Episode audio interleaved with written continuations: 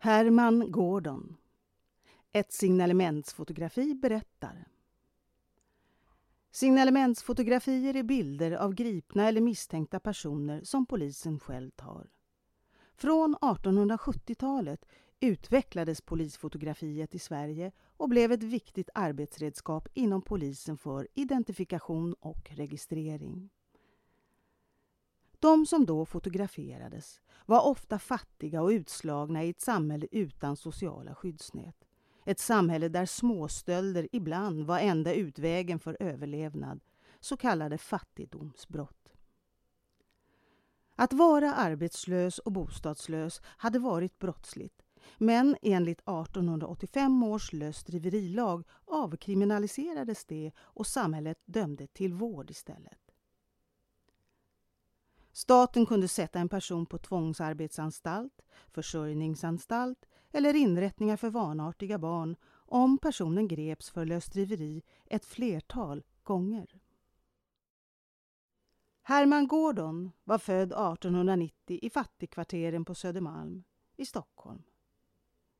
Han hade två äldre bröder, Leonard född 1888 och Josef född 1886. Han hade dessutom fem yngre systrar.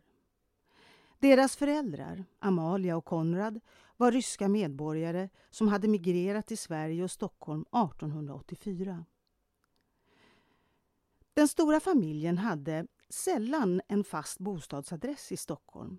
Fadern, Konrad, försökte försörja familjen som kringgående handlare och de levde under mycket knappa förhållanden.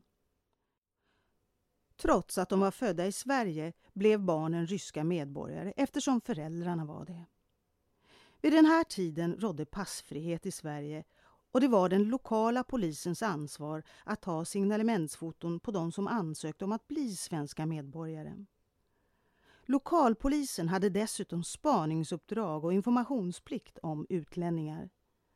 För att få stanna skulle de bland annat intyga att de inte var straffade sedan tidigare och att de inte skulle ligga samhället till last.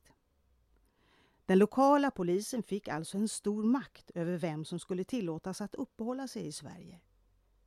Senare, under första världskriget, skärptes reglerna om passfrihet och man blev tvungen att ansöka om uppehållsbok för att få stanna i Sverige. De foton vi ser här togs dock när pojkarna blev gripna för lösdriveri. De tre pojkarna fotograferades hos polisen år 1901 och de satt alla i spegelstolen. En särskild stol som användes för ändamålet. Ett foto med spegel för profilen och identifiering och ett foto rakt framifrån för igenkänning. Herman och Leonard omhändertogs för att de skolkade och drev runt. Men då var de redan placerade på skolkarehemmet Stora Bläcktornet på Södermalm.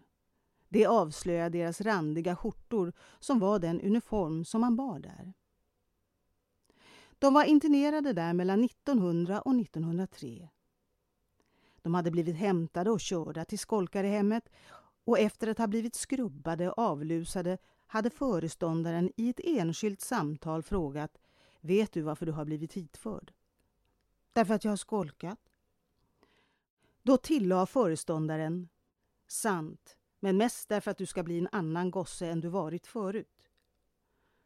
Det var ett hem som skulle fungera som en så kallad omplantering för kringdrivande barn. De fördes till skolkarehemmet av en vaktmästare och där skulle de vara fullständigt skilda från sin förra omgivning. Fattigvården skulle överta föräldraansvaret för de som saknade medel att försörja barnen och var fullt upptagna med att säkra sin egen överlevnad.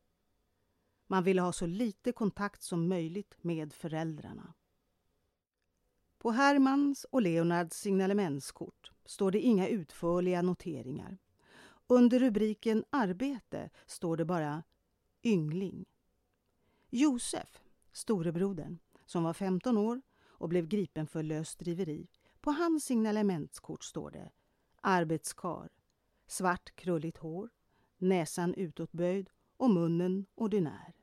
Och längst ner står juden Jocke. Därefter vet man inte vad som hände med Josef. Troligen skötte han sig. Han kan också ha bytt namn för att dölja sin judiska härkomst. Även fadern, Konrad, greps för lösdriveri och dessutom för förskingring 1903.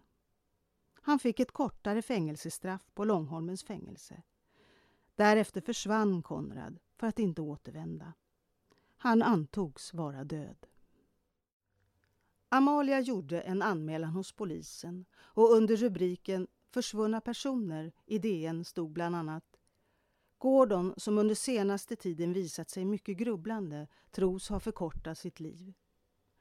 Han är omkring 40 år gammal, mörklagd och liten till växten. Vid bortgåendet var han i saknad av huvudbonad men var i övrigt iklädd mörk kostym och brun överrock i vars innerficka han hade makarnas gemensamma prästbetyg. Genom polisens fotografier kan vi följa den ryska familjen Gordon från den då ryska staden Grudno till fattigkvarteren på Söder. Föräldrarna, Amalia och Konrad, hörde till de hundratusentals judar som flydde från de våldsamma judeförföljelserna i Ryssland under 1880-talet. Förföljelser av judar hade pågått under århundraden i Ryssland och de intensifierades efter mordet på tsar Alexander II som blev attackerad och mördad 1881 av tsarmotståndare. De styrande förhindrade inte spridningen av de rykten som la skulden på judarna eller förföljelserna av dem. Snarare spädde man på dem. Sanningen var att det fanns en falang av blandade etniciteter i det ryska samhället som kallades folkviljan, vilka låg bakom dådet. De kämpade för rättvisa och frihet, men det krävdes ett världskrig och en revolution för att fälla tsarstyret. Amalia och Konrad flydde alltså 1884 från våld och förföljelser i Ryssland till fattigdom i Sverige och de bosatte sig på Södermalm. Barnen kom tätt mellan 1886 och 1898. Åtta stycken. De levde mycket fattigt och i början av 1900-talet brast det för familjen. Efter faderns fängelsestraff och försvinnande splittrades familjen helt och även de fem yngsta flickorna blev placerade och de hamnade i olika fosterhem utanför Stockholm. Men de fick ett bra liv och med de fem kvinnorna växte en ny generation Gordon upp. Herman dog vid 20 års ålder i lunginflammation och Leonard emigrerade till Amerika och skapade sig ett drägligt liv där, endast 15 år gammal. Amalia ansökte om uppehållsbok först 1918 efter över 30 år i Sverige. Där uppgav hon att hon flyttade hit för att bosätta sig med sin familj. Men då, 1918, levde hon troligen ensam. Eventuellt var hon sambo med en ny man.